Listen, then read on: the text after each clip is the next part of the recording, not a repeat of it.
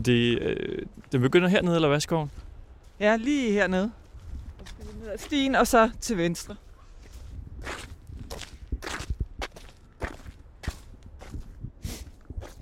Der er, der er meget godt vejr i dag. Det er det. Dejligt vejr. Det. Og i dag er det jo lyst i modsætning til den dag, hvor det skete. Det, der, det var jo om aftenen, hvor det var buld og mørkt, ikke? Jo. Så.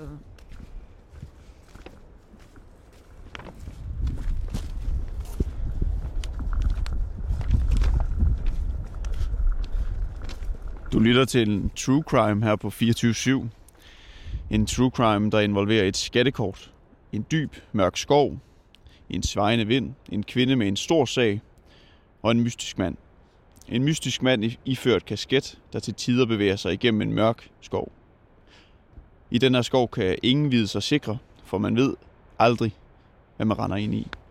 Det her er Ringdal og Christensen og lys i skovens dyb. Og lige nu befinder min kollega Anton Ringdal sig i en mørk, mørk skov. Det gør han sammen med Ea Lisbeth Thorsen Brensø. Anton er 188 cm høj, har lyst hår og meget mørke øjenbryn. Det er en øh, kontrast, som får en til at overveje, om håret er farvet lyst. Ea Lisbeth Thorsen Brensø har en hvid jakke på, og ellers øh, normalt er højde. De bevæger sig rundt i en skov med langsomme skridt. De er på jagt efter lyset. Lyset, som var herude en gang. Jeg befinder mig i Tisvilde Hegn. En skov nær Tisvilde Leje på øen Sjælland. Og lige nu, der går jeg på en lang sti. Det var her omkring, at det hele startede. Her mysteriet begyndte. Det er et mysterie. Hej.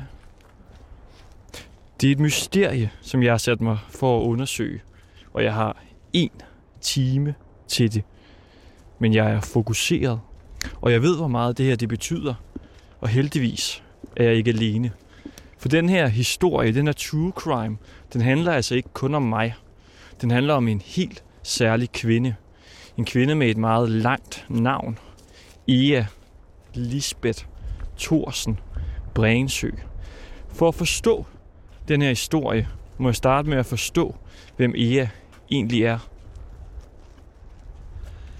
Åh, oh, ja, men jeg hedder Ea, jeg er 54 år, er oprindelig fra Amager, men bor nu i Blistrup, som ligger ikke så langt fra Tisvilde Leje. Og jeg arbejder dagligt daglig på en skole, en mindre skole for udfordrede børn, der ikke passer ind i den almindelige folkeskole. Og så er jeg også fitnessinstruktør.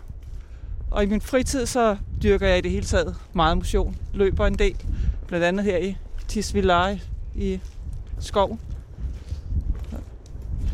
Og hvor tit befinder du dig i den her skov, hvor vi nu går, omkranset af golde træer uden blade, der ligesom råber om hjælp mod himlen, råber om hjælp. Det gør jeg et par gange om ugen, sådan cirka, i gennemsnit. Så jeg er rimelig kendt i skoven her. Og nu går vi rundt her. Kan du ikke prøve at beskrive, hvad du ligesom ser inde i den her skov? Der er nogle birketræer, nogle nåletræer, græntræer. Øhm, der er lidt terræn, der bugter sig. Det går lidt op ad bakke. Nogle små høje rundt omkring. Nogle nedfaldende blade og grene, der ligger. Nu kommer der nogle cyklerne imod os. En øh, Christiania cykel med et barn i, blandt andet. Og der er et træ, der er væltet, som der sådan står helt skråt inde i skoven her, hvis man kigger ind til venstre.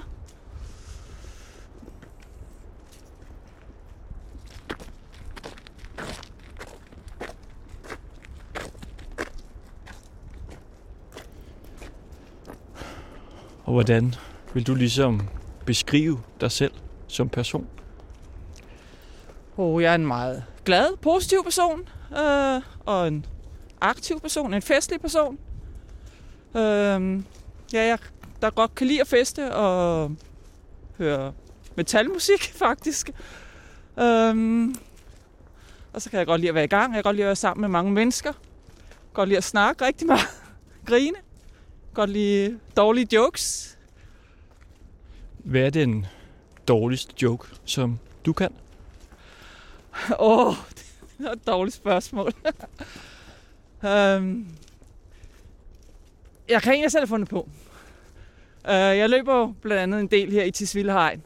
Og der er tit nogen, der så spørger mig, um, hvor langt løber du så, når du løber? Og så svarer jeg, ja, sådan 8-10 kilometer. Men nogle gange, så bliver det måske ikke helt så meget. Og så er det, man må sige, sex er også godt. Jeg ved ikke, om den kunne bruges. Og her går vi altså iført dårlige jokes og godt humør. Og kigger rundt i den her skov, hvor hele mysteriet ligesom begyndte med en helt særlig kvinde, Ea, som åbenbart er besat af dårlige jokes og fester. Hvad er det for nogle fester, du går til? Det er med mine venner primært, vil jeg sige. Øhm, Med dine venner? ja, øh, hvor vi holder nogle private fester sammen. Så kan jeg godt lide at gå til festivaler også. Øh, og koncerter. Så jeg går, er på Copenhagen hver år blandt andet. Og det, det er også en fest i sig selv, vil jeg sige. Og så kan jeg bare godt lide, hvis nogen holder fest. Så jeg siger aldrig nej tak til en invitation til en fest i hvert fald. Og hvor gammel var det, du, du er? 54 på dåbsattesten, 25 i hovedet. Det der med ikke at være aldersvarende, det er nok mig. Hvordan kan det være, tror du, at du er så betaget af de her fester, som var du en 25-årig kvinde? Jeg synes bare, det er sjovt. Ja, det er nok måske en fornægtelse af at blive gammel. Det vil jeg ikke jeg altid bare synes, det var sjovt at feste. Øh, Det er jeg ikke vokset fra endnu. Så jeg ved ikke, hvis vi skal ned, hvor det skete, skal vi faktisk den anden vej. Pludselig sker der noget på vores vej her. Vi er nødt til at ændre retning. Vi skal til højre, hvor vi ellers var på vej mod venstre.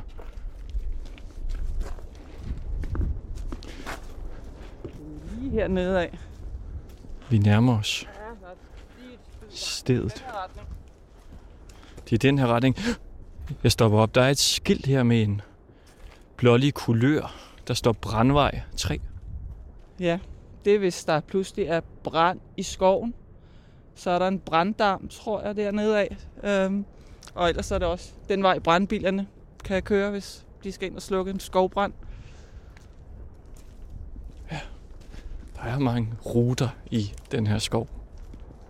Det er der.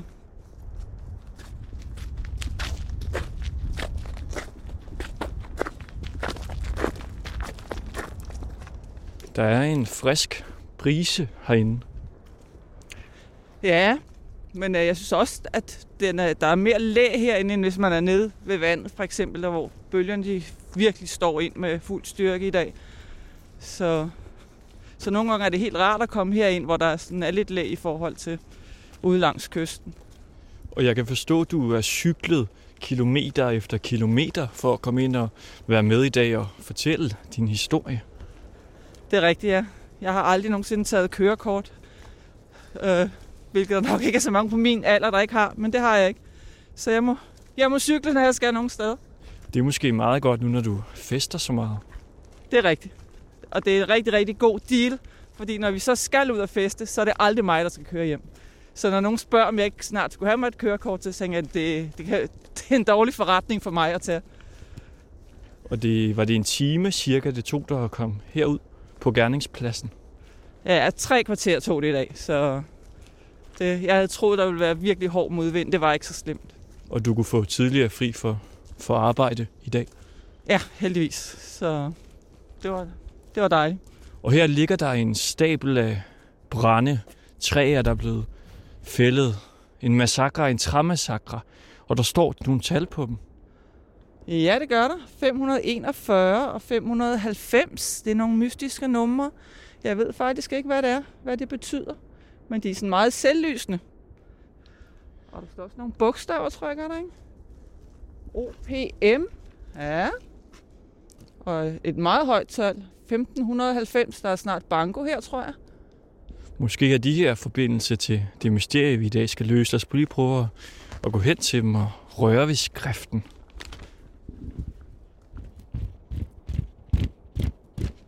Dufter dejligt af, af nyfældet træ. Lidt, lidt jubel. Jeg kan godt lide den der duft af, af, af fældede træer. Det, mm, det, det, det, det giver gode minder om at løbe i skoven. Der er noget enormt hyggeligt over det. Og her står vi så ved de fældede træer.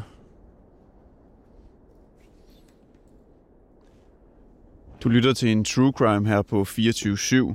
Vi har nu fået præsenteret, hvem Ea med det lange navn er. Sammen med journalist Anton Ringdal er hun taget i skoven i Tisvilde Hegn. En rigtig troldeskov, Sjællands største statsejede hede, en gammel slotsruin og en forsvunden landsby dybt ind i skoven. Ja, det er bare nogle af de spændende kulturskatte og naturperler, som Tisvilde Hegn byder på. Den øh, tekst fremgår inde på hjemmesiden naturstyrelsen.dk.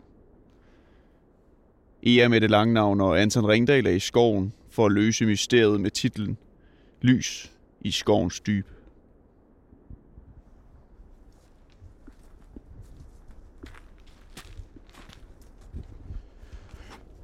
Skal vi... Vi skal fortsætte lige ud. Det var længere ned ad den her sti, det skete. Hvor mange dage er det siden, det skete? Uh, det er snart to uger siden, ikke? På mandag er det to uger siden. Så 11 dage eller sådan noget. Hvordan kan det være, at du nu er klar til ligesom at fortælle din historie om det her? Ja. Jo, men det synes jeg, jeg er. Det, det er jeg. Hvor meget har det fyldt i dit hoved? Mm, Jamen, det, øh, lige efter, så tænkte jeg over det, så siden har jeg ikke tænkt så meget over det, må jeg indrømme. Det... Og lige da det var sket, så, så, så tænkte jeg over det, og så tænkte jeg, nu skal jeg huske det, og så glemte jeg det igen, og så var det først næste morgen, jeg kom i tanke om det igen. Og vi går jo her langs høje træer.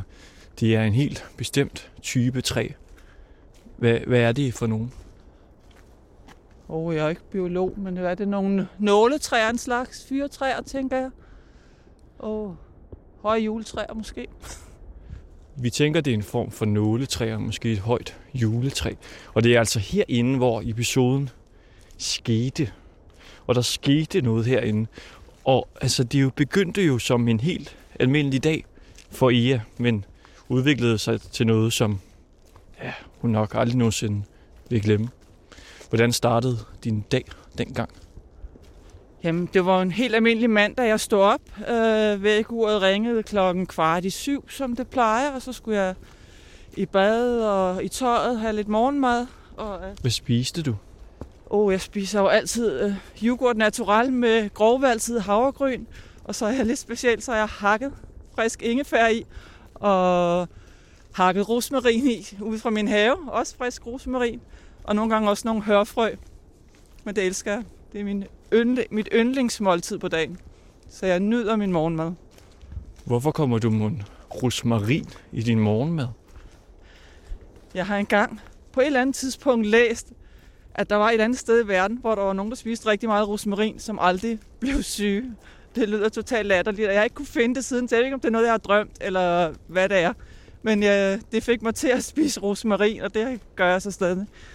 Og nu er jeg blevet så glad for det, så jeg ikke kun være det. Rosmarin, tænker jeg, mens jeg går her i skoven og prøver at finde ud af, hvordan jeg skal opklare det her mysterie. Rosmarin rimer jo på mandarin. Ja. Øh, jeg har så ikke prøvet at have mandarin i morgenmaden. Øh, men det smager også godt. Hvad skete der efter, du havde spist? Jamen, så pakkede jeg mig sammen, og så tog jeg ud på min cykel og cyklede over til mit arbejde. På den skole, hvor jeg arbejder. Og så var jeg der og underviste og spiste sammen med børnene og var lidt ude og spille lidt bold sammen med dem i frikvarteret. Øhm, og klokken tre havde jeg så fri. Og da jeg havde vinket farvel til børnene, så sprang jeg på min cykel igen og cyklede hjem. Tog mig lige en lille eftermiddagssnack. Hvad var det? Det er for en snack. Og det plejer at være en ostemad, tror jeg. jeg, jeg det er jo noget tid siden, jeg, men det har nok været en, en bolle med noget ost, tænker jeg.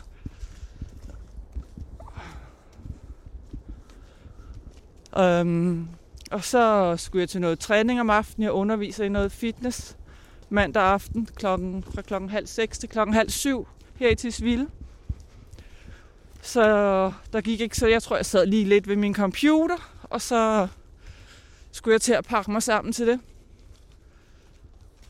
Så kom min mand hjem fra arbejde, og min datter må også være kommet hjem fra arbejde. Ja, de kommer samtidig om mandagen, så de kom hjem sådan lige efter hinanden. Og så skulle min mand og jeg ud til det træning ude her i Tisvilde, hvor vi kørte afsted, mens vores datter blev derhjemme og lavede sit eget træningsprogram. Vi træner alle sammen en del i familien. Hvad er det for noget træning, I, I laver der i familien? Jamen, altså min datter, hun træner med en eller anden tysk fitness babe, som hedder... Åh, oh, nu skal jeg lige tænke mig om. Det kan jeg ikke lige huske nu. Men øh, det er nogle videoer, hun træner efter. Øhm, mens min mand og jeg, vi tager til noget træning i vores... Vi løber i noget, der hedder Tisvillehegn Orienteringsklub. Imens Ea fortæller om træning, ser jeg pludselig en kvinde, der kommer gående imod os. Hun er iført en træfarvet jakke, og hun går med hastige skridt lige ud. Måske ved hun mere end os. Og hun stopper op og kigger undrende. Hej. hvad laver I? Skal jeg hjælpe jer med noget, eller hvad? Kommer du tit her? Nej. På ingen måde. Hvad hedder du? Jeg hedder Helle. Så du ved ikke, om der kommer en fast cyklende her forbi hver mandag aften? Intet nej. Nej. Har du set en mand med en rød kasket? Nej, det har jeg ikke. Jeg tror ikke, jeg kan hjælpe jer. Og hvad er du selv ude og, og lave lige nu? Jeg er ude og gå en tur, inden det bliver regnvejr i morgen. Rigtig god tur til dig. Jeg håber, I finder mænd. Siger hun og fortsætter ud i skovens dybe mørke. Imens hun forsvinder, vender jeg tilbage til Ea, der lige har fortalt om hendes datter, der træner med en tysk fitnessbag på internettet. Ja. Øh, og jeg er helt blank for, hvad hun hedder lige nu, selvom jeg har sagt det så mange gange. Rebecca Reef eller sådan noget. Måske. Jeg synes fornavnet måske er forkert. øh, men øh, min mand og jeg tager til træning ud til Sville, hvor han spiller noget hockey. Og så underviser jeg nogle andre inde i en anden sal ved siden af, i noget, der hedder Workout Moves, som er et træningskoncept, jeg selv har fundet på. Workout moves, du selv har fundet på. Det er rigtigt, ja. Pludselig begynder Ea at lave de her bevægelser, hun laver, når hun laver work and moves. Okay. Det er svært. Vi plejer at ligge ned, men... Øh, Det er en form for en sprællemand. det, det er forskellige træningsserier til musik, øh, hvor man lige får strammet hele kroppen op. Øh, og nogle gange, hvis jeg hører de numre, som træningsserien er lavet til, så har jeg svært ved at lade være med lige at lave nogle af øvelserne. Fordi man har lavet det så mange gange, så det er som om det der nummer, det lige for en til at, ej, jeg bliver nødt til lige at lave den her mave-serie, eller hvad det nu er. Og hvad skete der så den dag? Den dag, hvor mysteriet begyndte. Jamen, så underviste jeg en time fra halv seks til halv syv. Og så bagefter så skulle jeg ud og løbe min faste mandags løbetur her i Tisvildhegn. Og der var det jo mørkt på det tidspunkt. Og folk var taget hjem, så der var ikke andre i skoven. Jeg tog min pandelampe på, tog løbeskoene på, varmede lige lidt ekstra op. Og så løb jeg så fra Tisvilde Gamle Skole over til Tisvilde Hegn og løb min faste runde her i hegnet. Og hvad der skulle have været en helt almindelig løbetur, endte på en måde, som Ea aldrig nogensinde ville kunne have forudset. Du lytter til en true crime her på 24-7. I skoven er Anton Ringdal, journalist på 24-7. Han er der sammen med Ea med det lange navn. Ea har fortalt om sin dag, hvor hændelsen, hændelsen den indtraf. Og dagen den blev alt andet end normal. For Ea, for Tisvildehegn, for områdets historie.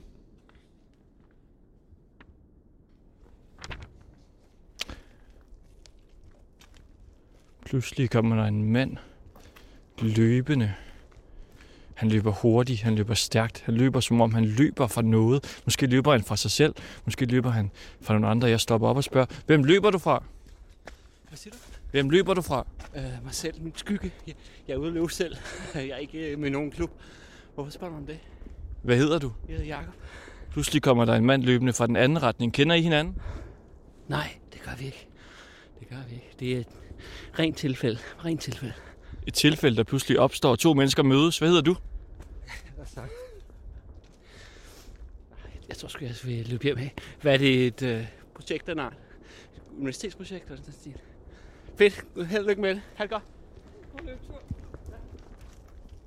Manden løber videre. Han er ikke interesseret i at snakke så lang tid, som jeg var interesseret i at snakke med ham. Ja, det skulle jo have været en helt almindelig dag for Ea den her dag, men sådan gik det ikke. Og lige nu der går vi lige der, hvor Ea første gang så manden med kasket, og også der, hvor hele mysteriet startede. Og øh, foran mig, der har jeg et skattekort. Kan du ikke lige tage det ud med ham? Jeg så om første gang. Her, der har jeg et skattekort. Det viser en rød streg, en rød pil, en blå streg, et rødt kryds. Det er et skattekort, som Ea selv har lavet. Og vi står hernede i forlængelsen af den blå streg, hvor det var hernede, det startede. Et det er kort, der er blevet lavet med udgangspunkt i den oplevelse, som Ea har haft. Og det er jo den oplevelse, der ligger til bund for hele den her true crime. Men hvad var det, der skete, og hvorfor skete det, og hvor er vi lige nu? Jamen, så vi er jo gået, vi startede herop, og så er vi jo gået ned ad stien her og ned her. Og så kom vi forbi hernede, hvor krydset er, og gik lidt nedad der, så var det, vi fandt ud af, at vi skulle den anden vej og vendte rundt og gik tilbage. Og nu er vi gået nedad her, og vi er faktisk gået lidt ud af kortet, tror jeg. Men er lige forlængelsen af den blå streg. Det er et billede fra Google Maps, ligner det, Ja, det er rigtigt. som du så har redigeret i. Lige netop, ja. Med et redigeringsprogram måske. Med clipart, tror jeg det hedder. Åh, oh, jeg er så dårlig til sådan noget computer. Et sakse-ikon på min, nederst på min computerskærm. Og vi er ved den blå streg nu. Hvad symboliserer den blå streg? Den symboliserer stedet, hvor det skete. Lige nu går vi et sted, hvor der ligesom er en, en krydssti fra en anden vej. Fire veje, der mødes. Jeg tænker, det var lige her omkring det, det, det skete faktisk. Men nu var det jo meget mørkt, så jeg kan ikke helt genkende, om det var præcis her. Fordi der var jo, som sagt, buller, buller og mørkt. Og jeg var der helt alene. Det eneste lys, jeg havde, var fra min pandelampe, jeg løb med. Og ellers så var alt sort omkring mig. En mørk skov. En pandelampe. Ja, hvad kan gå galt, tænker man. Ja, hvad kan nærmest ikke gå galt den her aften? Jeg løb i min egen lille klokke. Jeg havde musik i ørerne. Metalmusik. Så jeg, jeg kunne ikke høre, hvad der skete omkring mig. Og på et tidspunkt, så kom der altså den der cyklist bagfra. Så jeg næsten fik et helt chok, fordi jeg troede, jeg var helt alene i skoven. Og pludselig kommer der faktisk en cyklist bagfra nu. I fyret rød jakke og cykelhjelm. Hej med dig. Hvordan er det så at stå her igen? Jamen, det, det er sådan lidt anderledes, fordi det er lyst nu. Så nu kan man pludselig se, hvordan han ser ud. Prøv at beskrive området her, vi står i. Hvad kan du se med dine øjne, dine to øjne, der sidder midt i hovedet? Se to store skovstier, der krydser hinanden lige her. Der er en myretue herovre ved det ene hjørne. Og lidt længere ned, der svinger stien. Og jeg tror faktisk, på grund af svinget, at det skete sådan lige efter et sving. Fordi det kom sådan meget pludseligt. Øh, og det er også derfor, jeg ikke ved, om ham, cyklisten, han var, om det er ham, der er involveret i det, eller om det er en anden cyklist. Det ved jeg ikke. Fordi at det skete lige efter svinget, hvor jeg ikke rigtig kunne se, hvad der skete, før jeg nåede rundt i svinget. Lad os prøve lige at gå hen til myretuen og se, om den har noget at fortælle.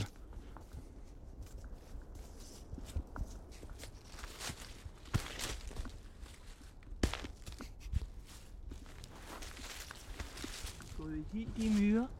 Der er ikke nogen myrer at se. Vi prøver ligesom at sparke til dem og køre, og køre foden lidt rundt i tuen.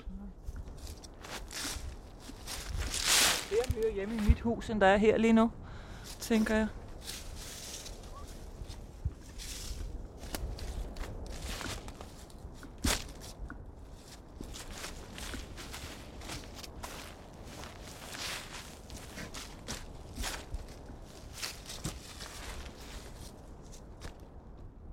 Nej, dem er der ikke meget liv i i dag.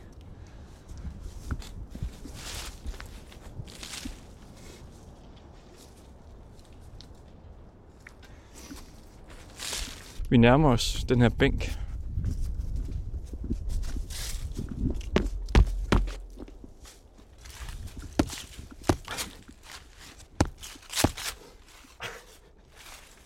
Den er hård og kold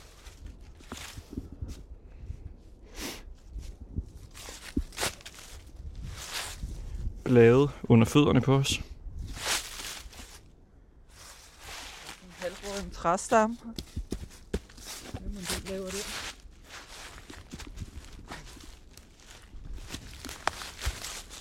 Der må være nogle dyr under her. Måske.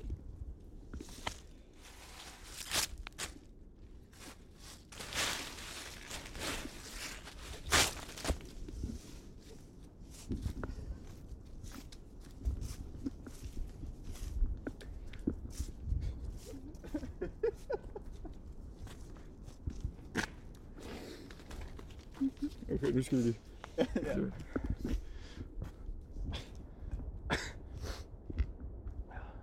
Nu har vi fået styr på naturen her i skoven. Så lad os få styr på, hvad der skete den aften for dig. Ea peger på noget og kigger med fokuserede øjne. Jamen, jeg har pludselig fået øje på en flaske, der er smidt her midt inde i skoven. Og sådan en rimelig stor Grimbergen ølflaske. Blond. 75 centiliter. Den har ligget her. Grimbergen. Hvad står der bag på den?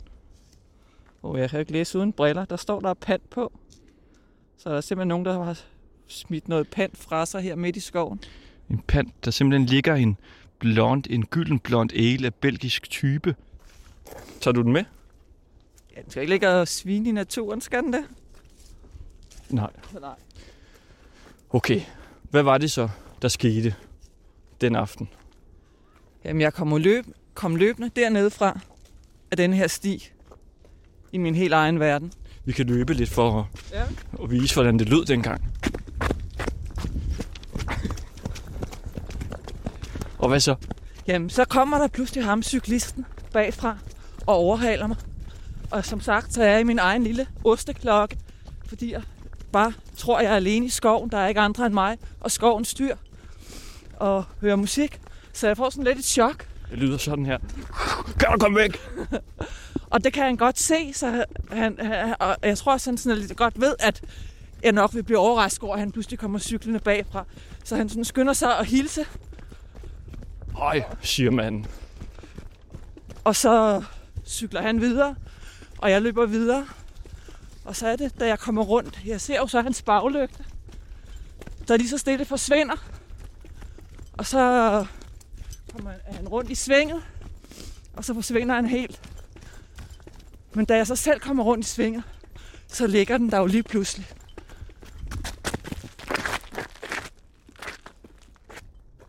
Og så ligger den der og lyser op.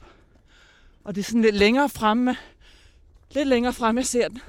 Så først tænker jeg, at det er ham cyklisten, der er stoppet op. Hvorfor stopper han op her midt i skoven? Jeg forstår det ikke. Og jeg begynder at nærme mig, og jeg tænker, hvad laver han? Men så kan jeg se, at det er kun lygten, der er der. Der er ikke nogen cyklist. Der ligger bare en rød cykellygte og lyser midt på stien. Og så er det, jeg så bukker mig ned og samler den op. Og tænker, hvad skal jeg, skal jeg prøve at se, om jeg kan fange ham? Det kan jeg jo ikke. Jeg kan jo ikke løbe ham op. Og jeg ved heller ikke, om det er hans. Måske var det ham, der overhældede. Måske var det en anden cyklist. Men hvor mange cyklister kommer der i skoven så sent om aftenen? Der i buld og mørke. Altså en tabt cykellygte En tabt cykellygte, ja. i farven rød. I farven rød, ja. Så jeg, jeg tager den, og så tænker jeg, det er jo synd, den ligger der og bruger strøm, så jeg slukker den. Og så tænker jeg, hvordan finder jeg ejeren? Så jeg løber hen til den åbne plads, vi kom forbi lige der i, starten, da vi gik her i skoven. Der er et bord, så ligger den der midt på bordet. Helt tilbage. Ja, lige da, det, da vi drejer ned den sti, vi er på nu. For jeg tænkte, det skal jo være på den her sti, fordi jeg ved jo ikke, om han, hvor, hvor han drejer af, eller hvor han skulle hen. Eller om det overhovedet var hans. Det kan også være, at det var en pige eller en dame, der var ude at cykle, der har tabt den. Så jeg lægger den bare på bordet der, midt på bordet. Og så tænker jeg, at jeg må prøve på en eller anden måde at finde ud af, hvis det er, så de kan få den igen. Så jeg vil egentlig, da jeg kom hjem, skrive et Facebook-opslag på Tisvillejes Facebook. Det, der fik os og 24-7 på færden af mysteriet med titlen Lys i skovens dyb, var et opslag. Et opslag på Facebook i gruppen Tisvildeleje hele året. Ea med det lange navn skrev følgende. I versaler. Tabt baglygte til cykel. Mandag aften omkring klokken lidt over syv fandt jeg en baglygte fra en cykel, der lå og var tændt på den skovsti i Tisvildehegn, hvor jeg løb. Jeg var kort forinden blevet overhalet af en ung fyr på cykel med kasket og rygsæk, rygsæk på ryggen, der hilste på mig. Måske er det din. For, den, for at den ikke skulle gå til, samlede jeg den op, slukkede den og lagde den på et bord, der står, hvor det røde kryds er sat på kortet. Det er midt i trekanten ved det åbne område, hvor der ofte er stævneplads ved forskellige løb i skoven. Jeg fandt den på den sti, der er tegnet op med blå. Jeg håber, ejermanden ser mit opslag og får sin cykellygte igen. Den er lang og smal, og den er ikke særlig stor.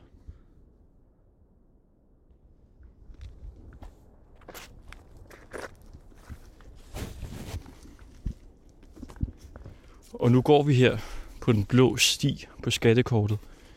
Skal vi gå tilbage mod bordet, hvor du så gik hen, da du fandt lygten? Det synes jeg. Hvad tænkte du i de minutter, hvor du gik lige her Jamen, jeg, jeg og tog de her skridt? Jeg, jeg løb. Men, øh, jamen, jeg tænkte, om det var dumt, jeg havde samlet den op. Var det en fejl, tænkte jeg? Var det dumt? Har jeg gjort noget forkert?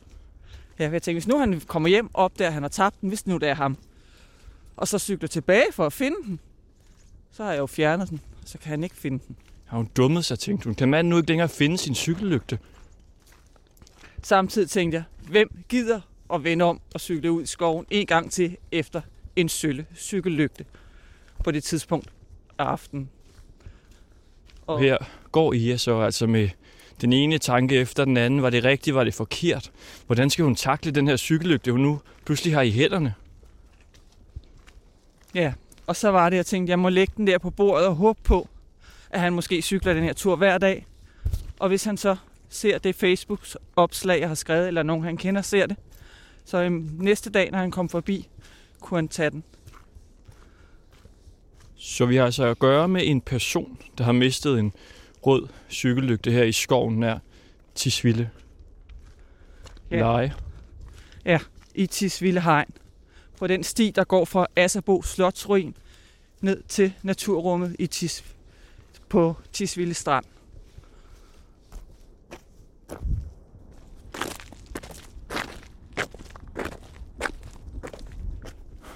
Her går vi så lidt og chokeret over den historie, der lige er blevet udfoldet. Der ligger et stykke papir midt på stien, når vi kommer tilbage her.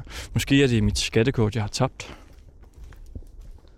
Så er det godt, der er ikke andre, der har fundet det og begyndt at lede. Måske er det noget helt andet. Måske er det noget nyt tabt element i skoven. Nej, det er mit skattekort, som du jo har lavet i Clippers på din computer. Ja. Og der håbede jo så, at ejeren kunne få sin cykellygte igen. Men det er ikke sket endnu i hvert fald. For da jeg var ude at løbe ugen efter samme tur, var jeg henne for at se, om den var blevet fjernet, cykellygten, som jeg havde lagt på bordet nede i lysningen.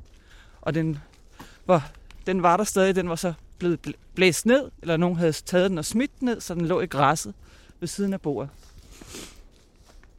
Og hvad skete der så? Så var det, jeg, jeg tænkte, så må jeg hellere tage den med mig, så den ikke ligger her og bliver smadret. Øh, fordi jeg tænkte, hvis ejeren havde set mit opslag, så ville han have taget den. Så derfor så har jeg den selv nu. Du har cykellygten på, på dig nu. Ja, det har jeg. Jeg har den lige i min lomme her, tror jeg. Nu knapper Ea op for den ene lomme på hendes hvide jakke og finder min sanden en rød cykellygte. Og den lyser stadig rigtig flot og klart. 1, 2, 3, 4, 5. Og nu bliver jeg blændet, men der er i hvert fald over syv små ledlys i cykellygten. Ja. LED-lys hedder det vist. Og det er altså en rød cykellygte af mærket. Åh, oh, det aner jeg ikke. Den er sådan aflang og smal. Og jeg igen, så kan jeg ikke se noget uden briller, desværre. Der står ikke noget på den. Nej. Prøv at vende den om. I vender cykellygten om og kigger. Det må ikke smides i skraldespanden, står der som symbol.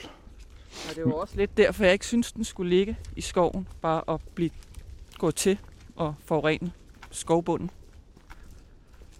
Og du har jo så slået det her mysterie op på Facebook, det sociale medie, hvor folk de interagerer med hinanden på kryds og tværs. Hvilke reaktioner har du fået derfra? Jamen, der har ikke været de store re- reaktioner. Jeg kan se, der er mange, eller en del, der har delt opslaget. Jeg var jo sådan lidt bange for, at jeg ville få lidt, det jeg ville blive lollet totalt ud. At folk tænker, okay, en skide cykellygt. Øh, men øh, jeg gjorde det alligevel, fordi jeg synes, det var synd for ham, der havde tabt. Så, og jeg har selv tabt rigtig mange cykellygter i løbet af mit liv. Og selvom det er en billig ting, så er det bare irriterende. Og så glemmer man at få købt en ny, fordi man har glemt, at man har tabt den, og så står man pludselig og skal ud og cykle, hvor det er mørkt og har ikke nogen cykellygte.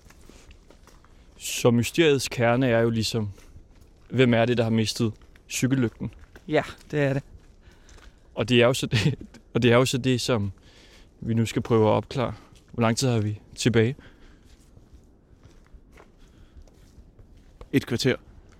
15 minutter til at klare den her sag om cykellygten. Det synes jo ikke er meget, men måske er det lige nøjagtigt det, vi behøver. Ja, vi kan jo håbe, der er nogen, der lytter med, som kender en, der jævnligt, eller i hvert fald mandag aften, cykler ned fra Asserbo Slotsruin mod Tisvilde Leje Strand, som har en stor sort rygsæk på ryggen, hvis det er noget ham. Det kan jo også være, at det var en anden person. Men i hvert fald en, der cykler den tur. Og som kører med lys på cyklen. Der savner en baglygte. Ja, for lige nu er der jo ikke mange mennesker i den her store skov, Nej. så man kan spørge, om det er deres røde cykellygte. Og det er sådan meget smart. En til USB-opladning. Jeg var inde og kigge. Man, den koster for et sæt 130 kroner. Det er altså ikke en hvilken som helst cykellygte, der blev fundet her i skoven. 130 kroner for et sæt, siger Ia til mig. Ja, og jeg ved jo så ikke, om man kan købe den separat, men jeg tænker, man skal købe et sæt, hvis man skal have dem. Fordi der hører en forlygte med, tænker du? Ja, det tænker jeg. Det, øh, og det er jo sådan en fix lille en, der ikke fylder særlig meget. Man nemt lige kan have i lommen, og hvis man skal tage den af. Når ikke man lige bruger den. Og den lyser godt. Det gør den altså. Og imens vi går her og undrer os lidt over, hvordan vi skal løse det her mysterie, så får jeg pludselig en idé. Et wildcard, en joker, en kilde, der måske kan hjælpe os. Det er en, jeg har fået lov at ringe til, som har delt dit opslag på Facebook. Pludselig rammer det mig, at jeg kun har 1% strøm tilbage på min telefon. Men jeg må prøve at se, om jeg kan nå at lave opkaldet til en kvinde. Jeg sætter højtaler på min telefon og ringer op. Min telefon løber pludselig tør for strøm. Altså, der er dækning herinde i skoven. Jeg kommer telefonen i, i lommen og må desværre undvære det det opkald.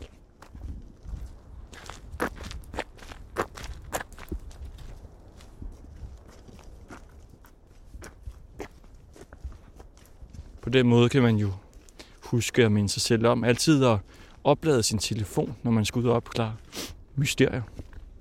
Det er rigtigt, ja. Jeg er, ikke, jeg er ikke selv særlig god til det der med at huske at oplade min telefon. Jeg bruger den meget, meget let.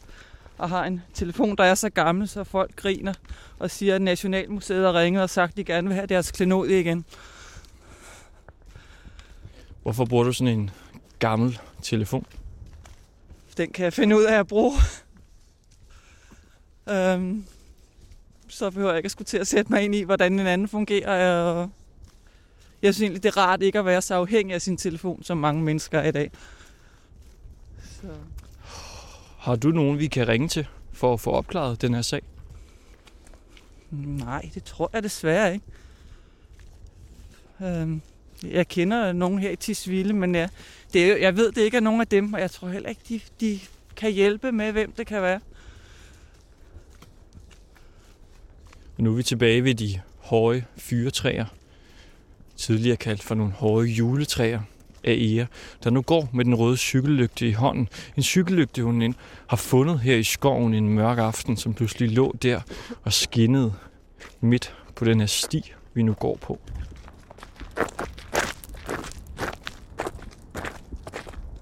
Kan du ikke lige øh, opsummere? Du lytter til en true crime på 24-7. En true crime, som foregår med Ea, med Langnavn navn og Anton Ringdal, der går rundt ude i en skov. Den, den foregår også med mig, Kristoffer Christoffer eh, Christensen. Jeg er eh, speaker.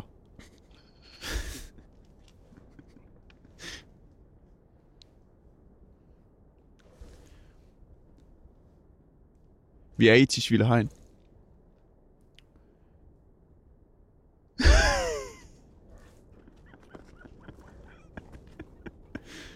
Det klipper vi ud.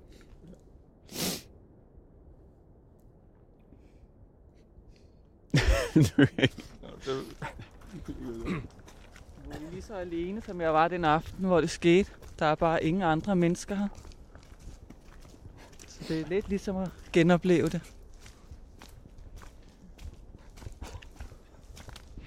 Ea genoplever altså den oplevelse, hun havde herinde dengang med lygten. Men hvordan skal vi dog opklare det her mysterie, når der ikke er nogen mennesker, og vi ikke har strøm på vores telefoner? Jeg begynder at råbe febrilsk. Er der nogen, der mangler en lygte? Der er ikke nogen, der svarer. Jeg råber igen. Er der nogen, der mangler en rød lygte? Stilhed. Tomhed. Ea begynder også at råbe. Hvem har tabt en lygte her i skoven? En rød baglygte til en cykel. Vi mangler ejeren. Hvor er du? Stille. Havet svarer. Pludselig begynder Christoffer speakeren at råbe. Hallo! Der er en rød lygte! Han råber så højt, at det hele er overstyr. Og vi begynder at træske videre ned ad skoven, ned mod det bord, hvor Ia hun første gang lagde lygten. Det er jo bare en, en, en lille bitte lygte, hvis ikke man tager blondinemål. Fordi så vil den jo være 5 cm tyk og 15 cm lang. Det er den ikke, hvis det er i mere realistiske mål. Så er den nok kun 1-1,5 cm tyk og 4-5 cm lang. I, øh, I øh, beskriver cykellygten.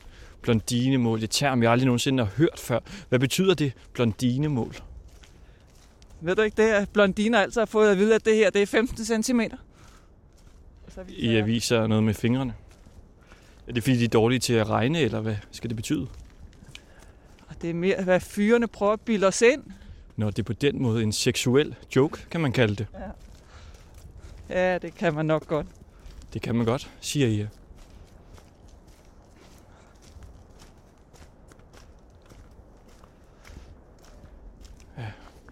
Og der er jo ikke nogen tegn på nogen, der mangler en cykellygte lige her.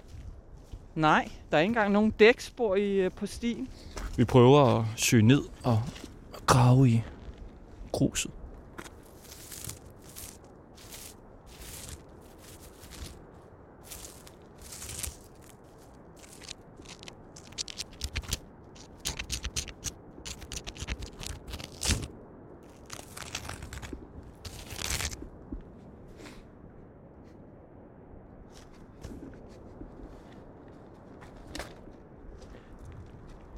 Det giver ikke noget. Hvis jeg bare havde lavet den ligge, kunne det have blevet et, et endnu mere større mysterie, hvis den var blevet fundet om 1000 år. Og så var der nogen, der, sige, hvad brug, der vil sige, hvad brugte man denne her til for 1000 år siden? Lidt ligesom oldtidsbyen, der ligger hernede. Så vil der komme en ny oldtidsby. Og nu ligger den i græsset, hvor I har kastet den. Men nu prøver hun at nærme sig lygten i- igen og samler den op. Og hun placerer den midt på bordet her. Midt i skoven i Tisvilde. Jeg er i tvivl om, hvordan vi skal løse det her mysterium om den røde cykellygte, når der ikke er nogen mennesker eller spor at gå efter. Ja, det er jeg også. Jeg ved simpelthen ikke, hvad vi kan gøre. Om der er nogen, der kender nogen, der, der cykler den tur. Så må de jo godt kontakte mig og sige, at de kender ejeren, eller hvis de selv er ejeren, så har jeg cykellygten. Jeg skal nok passe godt på den. Det lover jeg. Vi står og kigger på den nu. Hvad gør du nu? Vil du tage den med, eller vil du lade den ligge der, eller hvad har du tænkt dig? Jeg tænker, jeg tager den med. Øh, For nu har jeg jo sagt, at folk kan kontakte mig, hvis det, det er, de, de savner den. Så så må jeg hellere tage den med mig. Lad os prøve at, at tage den med, og så se, om vi ikke kan finde en person. Der kommer en der, men han var simpelthen for hurtig på sin cykel. Se, om vi ikke kan finde en person for at, at prøve at opklare mysteriet her i de sidste minutter, vi har tilbage af den her true crime.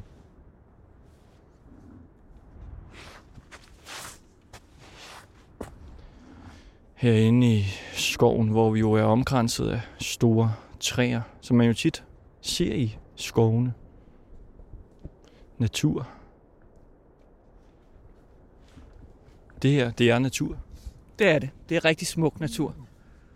Og det her er jo et af de steder i skoven, hvor jeg kommer rigtig meget. Min løbeklub arrangerer tit løb lige præcis for det her sted. Nu kommer der en mand på en cykel, og jeg prøver ligesom at stoppe ham. Hey, må vi spørge dig om noget? Har du tabt en rød cykellygte? Nej, det har jeg ikke. Du har ikke nogen cykellygte på din cykel, kan jeg se. Han cykler videre. Uden cykellygte på.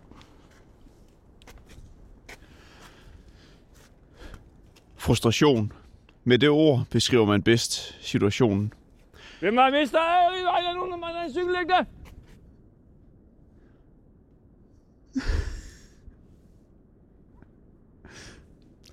Hvem er den unge fyr med kasket og rygsæk på ryggen?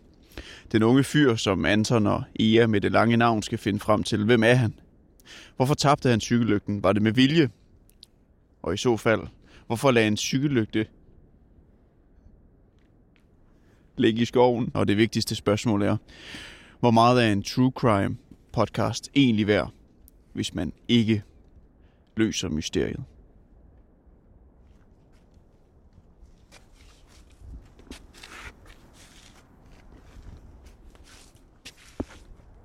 Jeg ser en person med en turkis i jakke og en sort hund kom gående. Måske er det her vores sidste chance for at finde ejer manden til den her røde lygte. Jeg prøver at stoppe vedkommende. Undskyld, må vi spørge dig om noget? Har du corona? Vi har fundet en corona-patient. Mangler du en rød cykellygte? Nej, det gør jeg. Det gør du ikke? Har du det okay? Ja, nu har jeg også første dag i dag. Det er hendes første dag med corona. Nej, ikke første dag med corona. Det er det ikke. Og første dag, hvor du har det godt?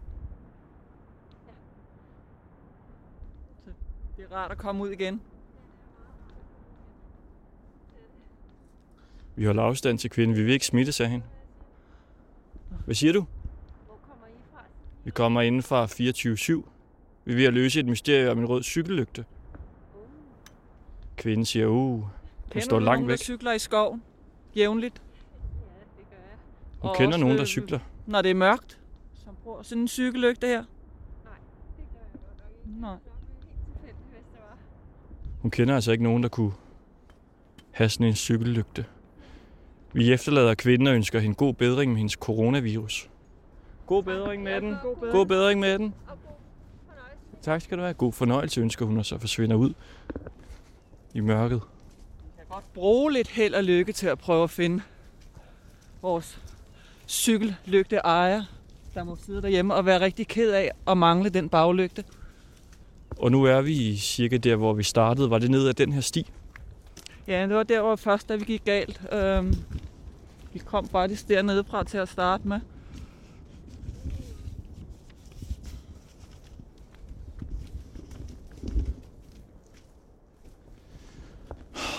Og det lader ikke til, at vi finder ud af, hvem ejeren til den her cykellygte er. Ej, heller hvem manden med den røde kasket er. Havde en rød kasket, eller er det bare noget, jeg forestiller mig? Ja, jeg mener ikke, den var rød. Jeg, han havde bare kasket på, som jeg husker det. Det er jeg ikke engang 100% sikker på. Men det mener jeg, han havde. Og, og en stor sort rygsæk.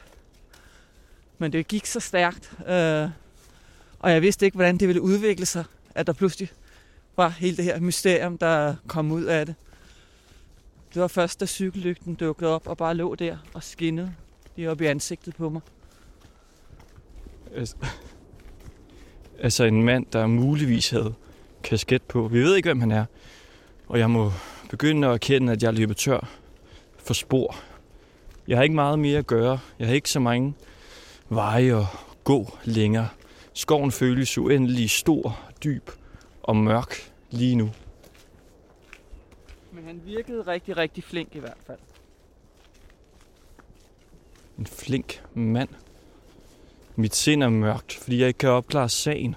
Jeg er ikke i stand til at forklare den her mærkværdige hændelse, som er foregået herinde i skoven med den røde cykellygte, og manden, der, der muligvis havde en kasket på.